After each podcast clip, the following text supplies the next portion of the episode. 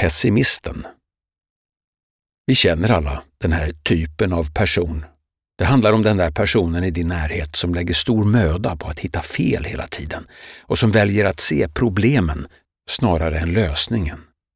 När du ger denna person ett förslag så kommer snabbt en handfull orsaker till att det inte kommer att fungera och det spelar inte så stor roll om personen i fråga har någon erfarenhet i ämnet eller inte. För den idé som du kommer med kommer alltid att vara för svår att genomföra, för dålig eller för långsökt och du kommer att tas för naiv och godtrogen, kanske rent av dum. För pessimisten ser alltid problem och stannar hellre kvar där hen vet vad hen har än att ge sig någonstans där det är oklart vad som väntar. När du påpekar att utsikten är magisk så fokuserar pessimisten snarare på fläckarna på fönsterrutan. Ett tips på vägen.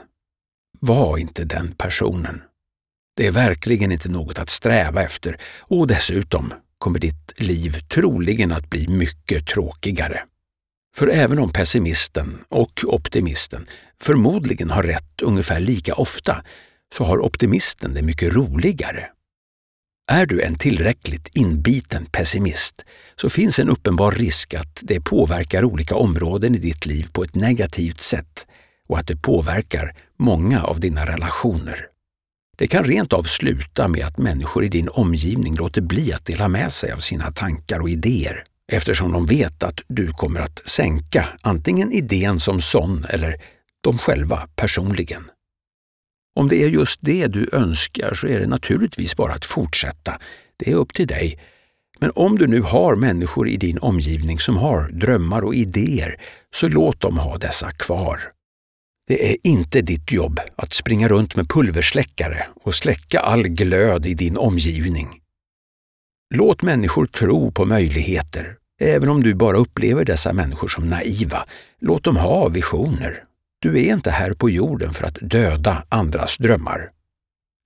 Så om du inte uttalar dig på andra sätt än som en pessimist och i ordalag som ”det går aldrig” eller ”du ska nog se att du kommer på bättre tankar”.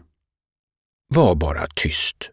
Och skulle någon av dina vänners planer gå åt skogen, säg inte ”jag sa ju det”.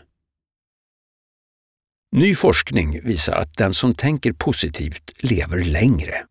Du får dessutom fler vänner och lyckas allmänt bättre i alla typer av relationer.